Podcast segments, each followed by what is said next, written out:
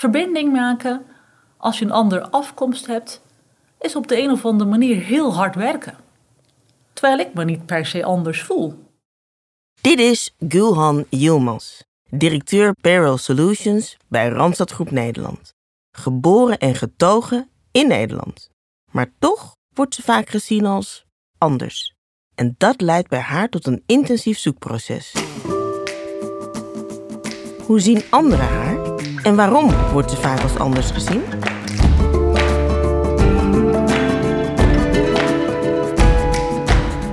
Dit is Je Beste Zelf Zijn, een podcast van Randstad Groep Nederland. In deze podcast gaan we op zoek naar hoe je het beste uit jezelf naar boven haalt in je werk. Wat is daar precies voor nodig? En wat kun je zelf doen? Mijn naam is Pearl Steffens en ik ga op zoek naar antwoorden.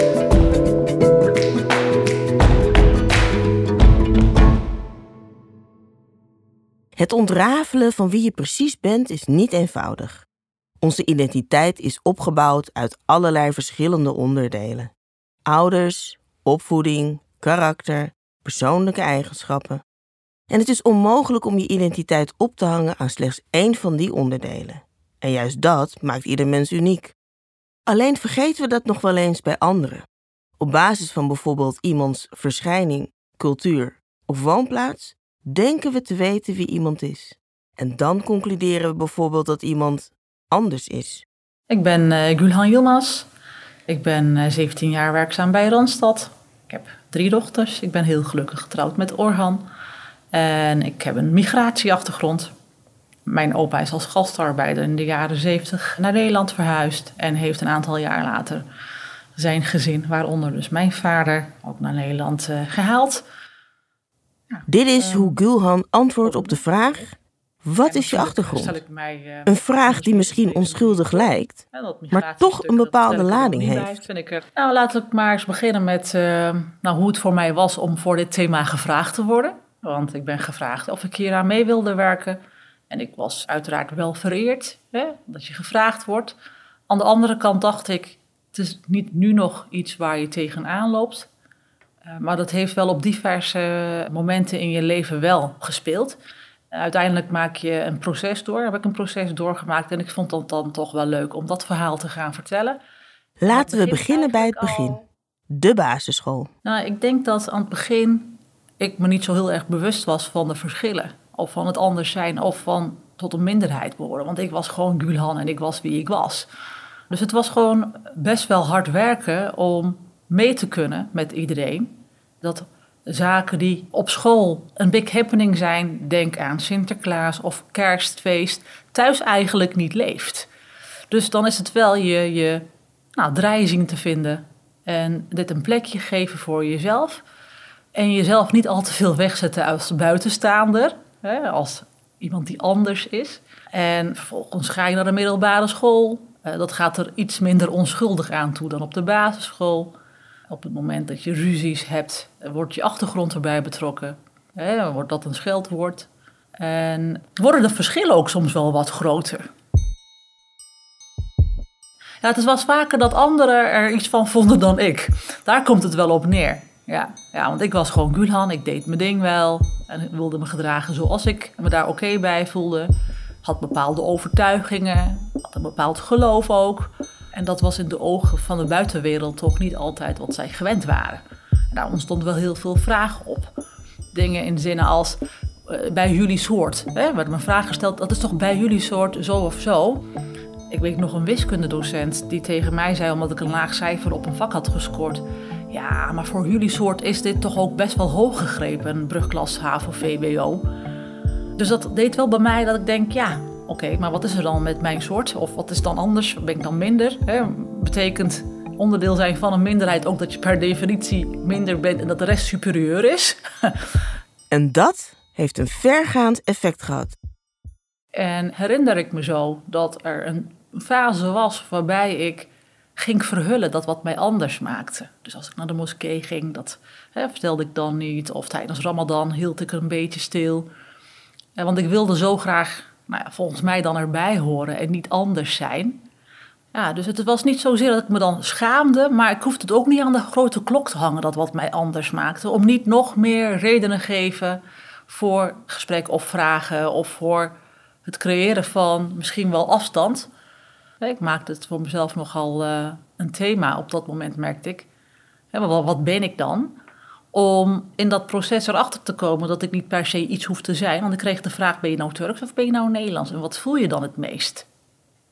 Ik denk dat je, dat eigen mindset heel veel uitmaakt. Maar ook wel dat het me heel erg aangepraat werd. Waarbij uiteindelijk ik erop uitkwam dat ik niet per se ergens hoefde te kiezen. En dat het ook heel goed samen kon. En dat er ook los van de verschillen heel veel overeenkomsten waren. En dat, het, nou, dat voelde een beetje als een verrijking. Dus ik werd ook wel heel trots op wie ik dan was in die zoektocht. dus er werd kerst gevierd, maar ook uh, Ramadan-periode gevast. Dus ik was helemaal oké met mezelf. En dan ga je uiteindelijk aan het werk. En dan kom je weer in een nieuwe fase terecht. Want ik weigerde om een slachtoffer ergens van te zijn. Of om mij op een bepaalde manier weg te laten zetten. Of mezelf weg te zetten. Na de middelbare school studeert Gulhan commerciële economie. Als ze is afgestudeerd, voelt Gulhan zich sterk en onoverwinnelijk.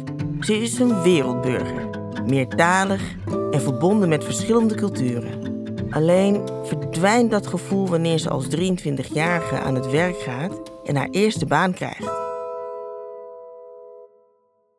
Nou, ik kwam binnen als een getrouwde vrouw. Nou, dat is voor Nederlandse begrippen misschien wel heel vroeg.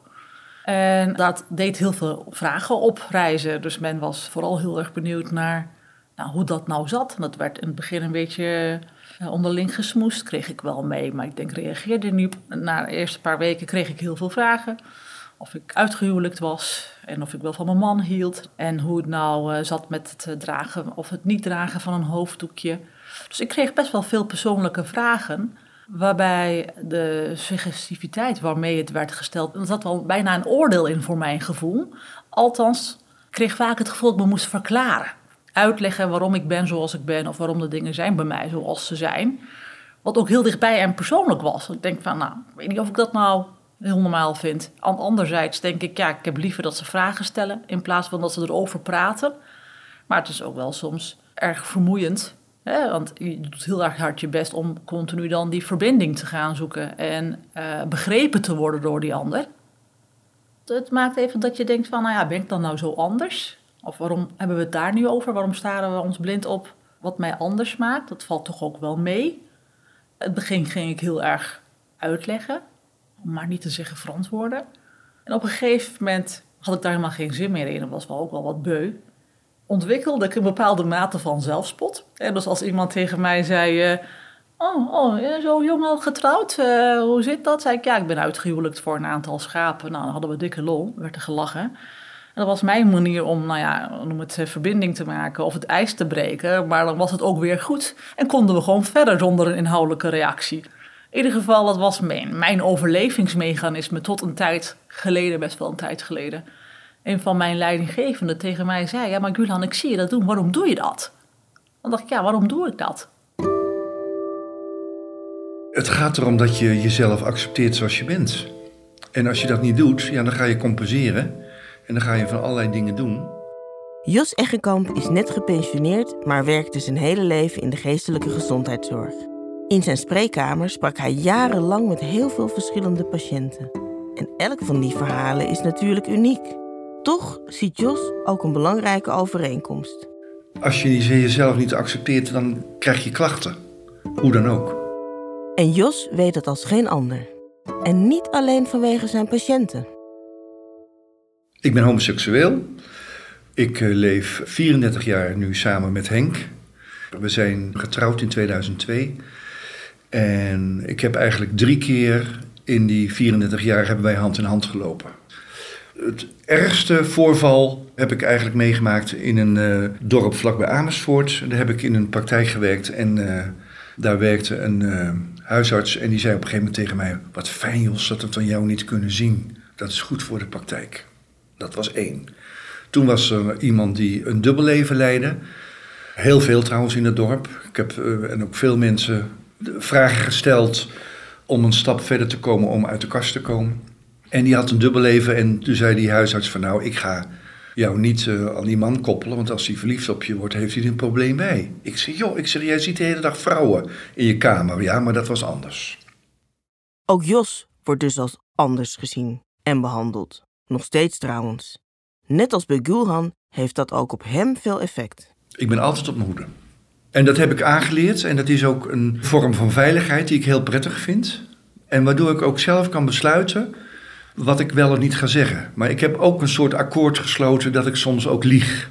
Want ik ga voor de veiligheid van mezelf. Net zoals ik nooit met Henk hand in hand zal gaan lopen. Dus als mensen vragen naar Jos achtergrond, past hij dus soms zijn gedrag aan om zichzelf veilig te voelen. Een beetje vergelijkbaar met Gulhan in haar zelfspot als overlevingsmechanisme. De persoonlijke ervaringen van Jos hebben als voordeel dat hij zich goed kan verplaatsen in zijn patiënten en de problemen waar ze tegenaan lopen. In zijn praktijk ziet hij vaak dat de problemen zich opstapelen bij mensen die hun identiteit proberen te onderdrukken, om maar zoveel mogelijk normaal te zijn. Als uh, praktijkondersteuning huisarts geestelijke gezondheidszorg, wat je heel vaak ziet, omdat het een zuigende werking heeft, je bent depressief. Daardoor kom je nergens, je verliest je vrienden, je maakt misschien de post niet meer open, je gaat compenseren. Kortom, je krijgt een hele grote berg op een gegeven moment. En dan zit je dus letterlijk tegen die berg op te kijken. Nou, het is heel goed, is mijn ervaring, om die berg te pellen. Dus gewoon te kijken van, nou, we gaan eh, papiertjes maken, die leggen we hier op tafel. En dan gaan we kijken wat is er aan de hand. Door de problemen op deze manier te visualiseren, wordt het tastbaar en overzichtelijk. De grote berg is ineens geen grote berg meer. Je hebt een keuze. Je kan ook, het is ook soms belangrijk om te kijken, wat kan ik aan op dit moment? Welke eerste stap zou je daarin kunnen zetten? Waar de problemen zich precies voordoen en in welke mate, is voor iedereen verschillend. Maar één ding is zeker. Wie zijn of haar identiteit onderdrukt, komt uiteindelijk ergens zichzelf tegen. Stress tussen werk en privé ervaren, dus druk tussen werk en privé ervaren, gaat ten diepste over wie ben ik? Moet ik iets wezensvreemds doen op mijn werk? Ik ben Marjolein ten Houten. Ik ben directeur arbeidsmarkt en maatschappelijk verantwoord ondernemer voor de Randstadgroep Nederland. We komen uit een tijd, die monocultuur, hè, dat we bijna ons werk geworden zijn. Dus als je aan iemand vraagt hoe gaat het met je, zegt hij druk. Maar dat is eigenlijk helemaal niet de vraag. De vraag is, hoe gaat het met jou? En die eigen identiteit van wie ben ik eigenlijk en wat breng ik, ja, die hebben we heel lang thuis gelaten. En nu, omwille van een inclusiever worden organisatie en een beter willen inspelen op ieders individuele kwaliteiten, gaat het dus over die identiteit. En dient ieder individu zich dus ook af te vragen: hoe zit ik in elkaar en hoe zou ik dat met werk willen en kunnen combineren en verbinden. En die eigen ik, die is niet alleen voor jouzelf van belang, maar laten we daar nou als organisatie ook heel nieuwsgierig naar zijn. Wie in wezen ben jij en hoe zou jij de organisatie en jezelf de volgende decennia van waarde kunnen laten zijn? Dat klinkt natuurlijk goed in theorie, maar hoe pakt dat uit op de werkvloer, in de praktijk? Ik kan me voorstellen dat mensen met een andere culturele achtergrond in organisaties meer stress ervaren omdat dat gevoel van buitengesloten zijn, niet begrepen worden, misschien soms ook niet die merkwaardige regels die in onze organisatie al, al bijna eeuwenlang bestaan kunnen doorgronden, dat dat heel ongemakkelijk voelt. En op het moment dat je je afvraagt, kan ik het daar nou over hebben, dat dat ook nog eens stressverhogend is. Maar er is aan de andere kant ook een stressverhogende factor, namelijk mensen die zich als een meerderheid in een organisatie voelen, ervaren eigenlijk ook stress omdat ze de ander niet herkennen en niet zo goed weten hoe ze daarop moeten reageren en op inspelen. Gulhan kan hierover meepraten. Dit is namelijk precies wat haar overkomt aan het begin van haar carrière. Ik heb ook wel eens onaardige opmerkingen van mijn collega's gehad. Of gewoon eigenlijk wel gemene zelfs. Ik was bezig met een aanbesteding, een tekst schrijven een collega tegen mij zei, ja, jij met je afkomst zal het daar wel extra moeilijk mee hebben, hè? Ha, ha, ha. Of Hulan, jij wil manager worden, ach, over een paar jaar ben je toch mama en dan uh, in jullie cultuur stop je dan toch met werken. Ja, op dat moment heb ik daar geen punt van gemaakt. En nou, lachte ik misschien wel mee. Of nou ja, wat ik ook wel vaak deed, is van me afbijten. Maar later had ik daar wel een bepaald verdrietig gevoel aan over. Waarom vinden mensen het nodig om dit soort opmerkingen te maken? Of het dan een grap is of gemeend. Eh, kan je dat rechtvaardigen? Weet ik niet. Op dat soort moment had ik inderdaad het gevoel van, nou ja, hoor ik er dan echt wel bij? En uh, ik kan nog zo het idee hebben dat ik helemaal oké ben, maar ziet de rest dat ook dan? Het is een druk, iets wat opgelegd wordt, waardoor je je ongemakkelijk voelt en, en je misschien wel denkt, ik schiet tekort of ik voldoen niet. En dat kan van alles zijn. Dat kan zijn omdat je iets probeert uit te leggen wat anderen niet begrijpen. Dat kan zijn omdat je je buitengesloten voelt. Dat kan zijn omdat je heel graag heel snel de top wil bereiken en je dat te lang duurt. Dat kan van alles zijn. Ik werd heel strijdlustig. Ik dacht bij mezelf, joh, als jij mij zo wegzet, alsof ik minder ben of minder competent, nou, ik zal je wel eens even laten zien wie ik ben. Dus ja, ik denk wel dat dat soort dingen me hebben gevormd. Echt wel een bepaald strijdlust, vechtlust, erg resultaatgericht. Ja, verbinding maken als je een andere afkomst hebt, is op de een of andere manier heel hard werken. Terwijl ik me niet per se anders voel. Dus ja, ik vind dat wel heel fascinerend. Van wat maakt dan toch dat toen anderen naar mij keken, ze niet gewoon een Gulhan zagen. Hè? Een dame die gewoon de best doet om er iets van te maken, samen met anderen. Maar iemand waar ze gewoon een vragenvuur op kunnen richten. Of waar ze gewoon opmerkingen maken die gewoon eigenlijk stekend zijn. Ja, waar, waarom?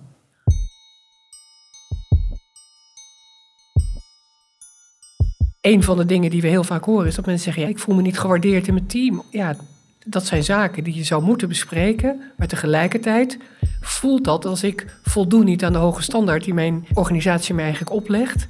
Ja, en dan ontstaat er zo'n innerlijke dialoog van ga ik nou door of, of, ga ik dit bespreekbaar maken en op welke manier? En, en, word ik dan misschien minder goed ervaren? Of, of gaat dan mijn carrière misschien wat minder hard? Of krijg ik dan nooit die functie die ik zo graag zou willen hebben? Dat is de spanning in, in ieder geval in een mensenhoofd, denk ik, en hart. En wij als organisatie zouden ons veel meer open moeten stellen om die dialoog te externaliseren en te zeggen hoe kunnen we je daarbij helpen. Want vanuit een zekere monocultuur van laten wij vooral allemaal op iemand willen lijken, want dat is nou de succesvolste vogel van deze organisatie. Ja, daar missen we de boot. Dan staan we onvoldoende stil bij die unieke kwaliteiten die we eigenlijk nodig hebben om een echte creatieve organisatie te zijn.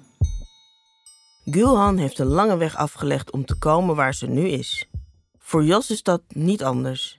En nee, ook voor hem is dat geen makkelijke weg geweest. Zeker, zeker. Ik weet, als het over uit de kast komen gaat, hoe een verschrikkelijke strijd dat je eerst denkt van, hé, er is iets met mij. Daar begint het mee. En dan uh, moet je gaan onderhandelen met jezelf. Tenminste, ben ik gaan onderhandelen met mezelf. En toen dacht ik van, nu moet het gebeuren, want ik wil ook wel gaan leven. Ik was 23 toen ik eh, uit de kast kwam. En dat was een verschrikkelijke eenzame tijd. En kijk, als ik kijk naar mijn eigen ouders. Mijn moeder zei van, uh, oh wat leuk. En mijn vader heeft een jaar niet gesproken. Omdat hij eigenlijk dacht van, ik heb de opvoeding verkeerd gedaan. Het is mijn schuld. Mensen schieten ergens in. Terwijl ik ook, ook heel veel goede ervaring heb. Dat ze meteen aan mij vragen van, uh, en wat doet je man? Dat ik denk van, hé, hey, ik heb er nergens over gehad. maar heerlijk.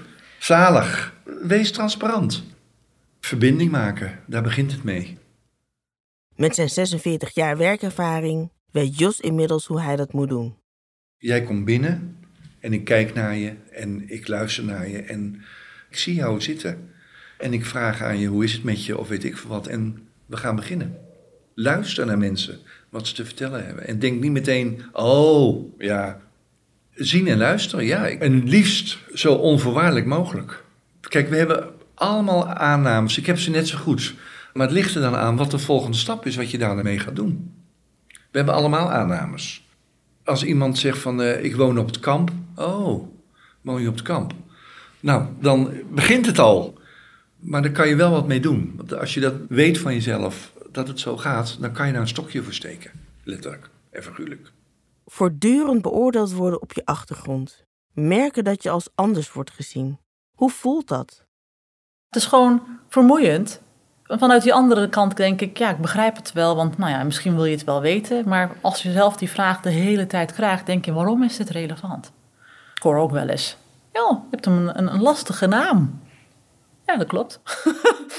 Zo'n directe vraag lijkt onschuldig. Maar als je hem moet beantwoorden, ontkom je er bijna niet aan om gelijk iets te vertellen over je afkomst. En dat is ook niet altijd erg. Maar ik weet niet of dat de eerste vraag is die je iemand moet stellen. Of dat het ijs een beetje moet ontdooien. Dat je elkaar een beetje moet leren kennen. Lukt het om een uitnodigende vraag te stellen. In plaats van een verklarende vraag. Waarbij je de ander uitnodigt om te verklaren. En bij de ander gewoon, nou ja, een leuk gesprek te hebben. Ik denk dat als wij hier een uur lang een leuk gesprek hebben. En je zegt tegen het eind tegen mij. Maar jouw naam komt niet zo heel veel voor. Heb je een andere achtergrond of hoe zit dat? Dat het een al heel andere is dan nou, kan je me wat over je achtergrond vertellen als eerste vraag?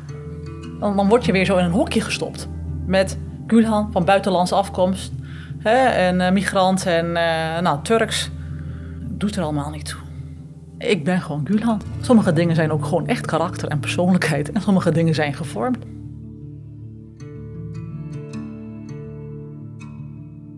Dus dat is ook mijn pleidooi om die gemengdheid in teams zo goed te benutten en niet zozeer langs alleen cultureel te kijken hoe mooi en hoe divers en, en hoe komen we tot een inclusiever team, maar eigenlijk langs skills en competenties en achtergrond te kijken wat breng jij nou mee, wat hier, als we dat optellen, echt een enorme voorsprong eh, voor ons zal zijn dan dat we allemaal in ons eentje dit team zouden vormen, als het ware. Dat is wat het doet. Je bent een team omdat het optelt tot meer.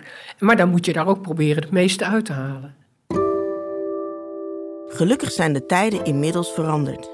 Overal dringt het bewustzijn door dat de samenleving bestaat uit heel veel diverse identiteiten en dat het belangrijk is dat iedereen zich geaccepteerd voelt, ook op de werkvloer. Dat maakt het vraagstuk ook lastig. Want we delen het graag in naar is het kleur of achtergrond. Of, maar het is eigenlijk alles. Inclusiviteit gaat wat mij betreft over wie ben je? Wat is nou jouw beste zelf? En op welke manier kunnen we met elkaar gebruik maken van de competenties die jij hebt? Ik geloof in gemengde teams. Randstad gelooft in de werking van gemengde teams.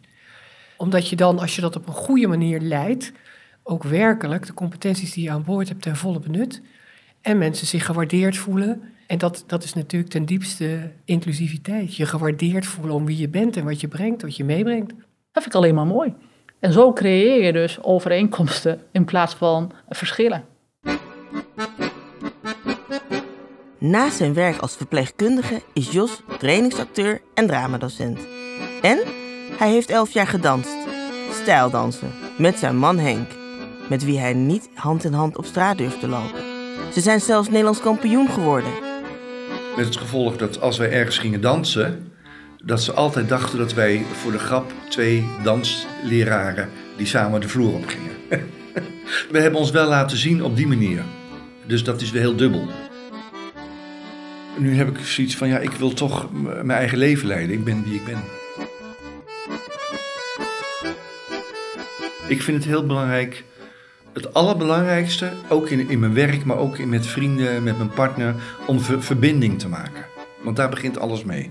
Als je verbinding hebt, dan gebeurt er wat. Als je dat niet hebt, dan kan je er van alles in stoppen, maar dan gebeurt er niks. Dus dat vind ik eigenlijk het allerbelangrijkste. En ik kijk naar je en ik luister naar je en ik hoop dat het andersom ook is. Want dat zijn twee ingrediënten voor mij om verbinding te kunnen maken. Om dan, ik zie je staan. Ben er ook wel achter gekomen dat het prima is om hard te werken, om die verbinding te maken. En dat er ook, ondanks de verschillen, ook heel veel overeenkomsten zijn. Waarom staren we ons zo blind op die verschillen? Want iedereen is uiteindelijk zo verschillend. En dat, dat verschillende maakt je heel mooi. En dat kan gedreven zijn door je afkomst, hè, maar of door wat anders. Iedereen groeit op in een andere omgeving, milieu, andere ouders. Dus ja, dat maakt het allemaal heel erg leuk. En het verkennen waard dat merk ik nu ook in mijn team. Ieder mens wordt gevormd door een optelsom van van alles en nog wat. Waar het om gaat, is dat we juist erkennen dat we allemaal verschillende individuen zijn, zonder dat steeds uit te vergroten. Nou ja, ik denk niet dat het relevant is om te vragen naar iemands achtergrond. Specifiek. Als je doel is om meer van die ander te weten, stel dan die vraag. Kan je wat meer over jezelf vertellen? Zo eenvoudig kan het zijn. De rest doet er niet toe. Voor Gulhan is haar achtergrond geen issue meer. Nou, ik weet niet of dat van de, van de een of ander moment is gegaan. Ik denk gewoon positieve ervaringen opdoen. Rust vinden in jezelf. Oh, met mildheid naar mensen kijken, maar ook naar jezelf kijken. Jezelf accepteren en omarmen zoals je bent. Daarop erkenning en waardering krijgen. Dus ja, dat is gewoon een beetje zo gegroeid, denk ik. Ik heb een heel divers team. Ook een cultureel divers team op diverse fronten. Een divers team. En het is een samenkomst van diverse karakters, persoonlijkheden. En mijn motto is: iedereen doet mee en iedereen hoort erbij. En ieders mening doet er ook toe. In hoe ik werk kijk ik heel graag naar het individu en het plaatje. En wat is iemands talent en kracht. En uh, wat wil iemand leren. En op dat stuk probeer ik ze ook te helpen. Probeer ik ze ook elkaar te laten helpen. Ik kies voor werkvormen waarbij ik mensen met een nou, ander talent, noem ik het dan maar, want ik wil het niet per se koppelen aan achtergrond of wat dan ook, ja, dat ik ze aan elkaar koppel en met elkaar heel actief laat samenwerken. Waarbij iedereen gewoon een belangrijke rol heeft. Daarmee hoop ik dat mensen ook inzien dat voor mij iedereen gelijk is, gelijk staat en ertoe doet wat ze vinden en denken. Dat ieders talent waardevol is. Wat je als werknemer heel goed kunt doen om stress te voorkomen, is dat je heel goed probeert te weten wie ben ik eigenlijk? Waar ga ik van aan? Wat doe ik graag? Wanneer ben ik nou echt geëngageerd? En we weten dat dat in grote lijnen is wanneer mensen zich competent voelen, wanneer ze verbinding voelen met collega's en wanneer ze autonomie ervaren. En als organisatie kun je daar rekening mee houden om te kijken, faciliteer ik dat? En in teams kun je dan zeggen: oké, als we als organisatie dat heel belangrijk vinden, breng je beste zelf mee. Probeer dat ook echt tot stand te laten komen. Kan iemand zichzelf zijn? Dat is de grote vraag. En dat, dat vraagt om inclusief leiderschap en nadenken over hoe doe je dat dan? Dat moet in je onboarding zitten, dat moet dwars door heel je systematiek lopen. Dat moet een way of life worden, denk ik. En daar staan we flink aan het begin van. En wanneer ben je op z'n best? Als je vrede hebt met jezelf. Als je er mag zijn voor jezelf. Dan uh, kan je heel veel aan. Mijn beste zelf zijn betekent voor mij dat ik me vrij kan bewegen. Dat ik mijn hart kan volgen. Dat ik kan doen uh, zoals het voor mij goed voelt. En dat dat gewoon geaccepteerd wordt.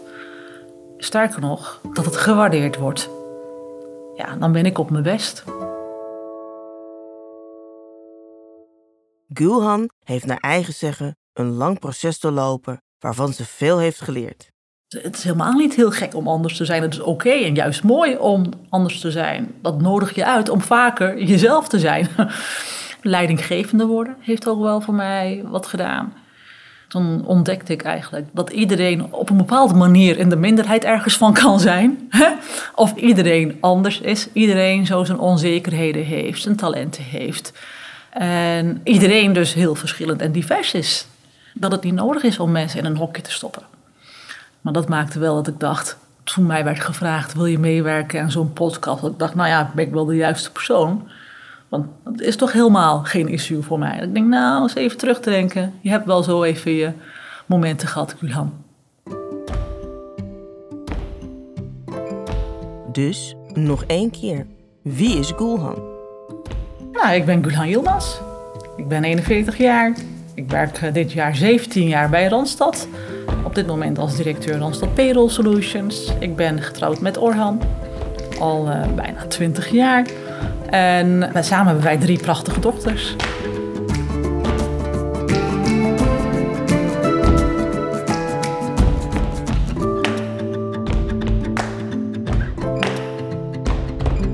Dit was Je Beste Zelf Zijn, een podcast van Randstad Groep Nederland. Wil je geen aflevering missen? Zorg dan dat je je abonneert in je podcast app. Mijn naam is Pearl Steffens. Dank voor het luisteren.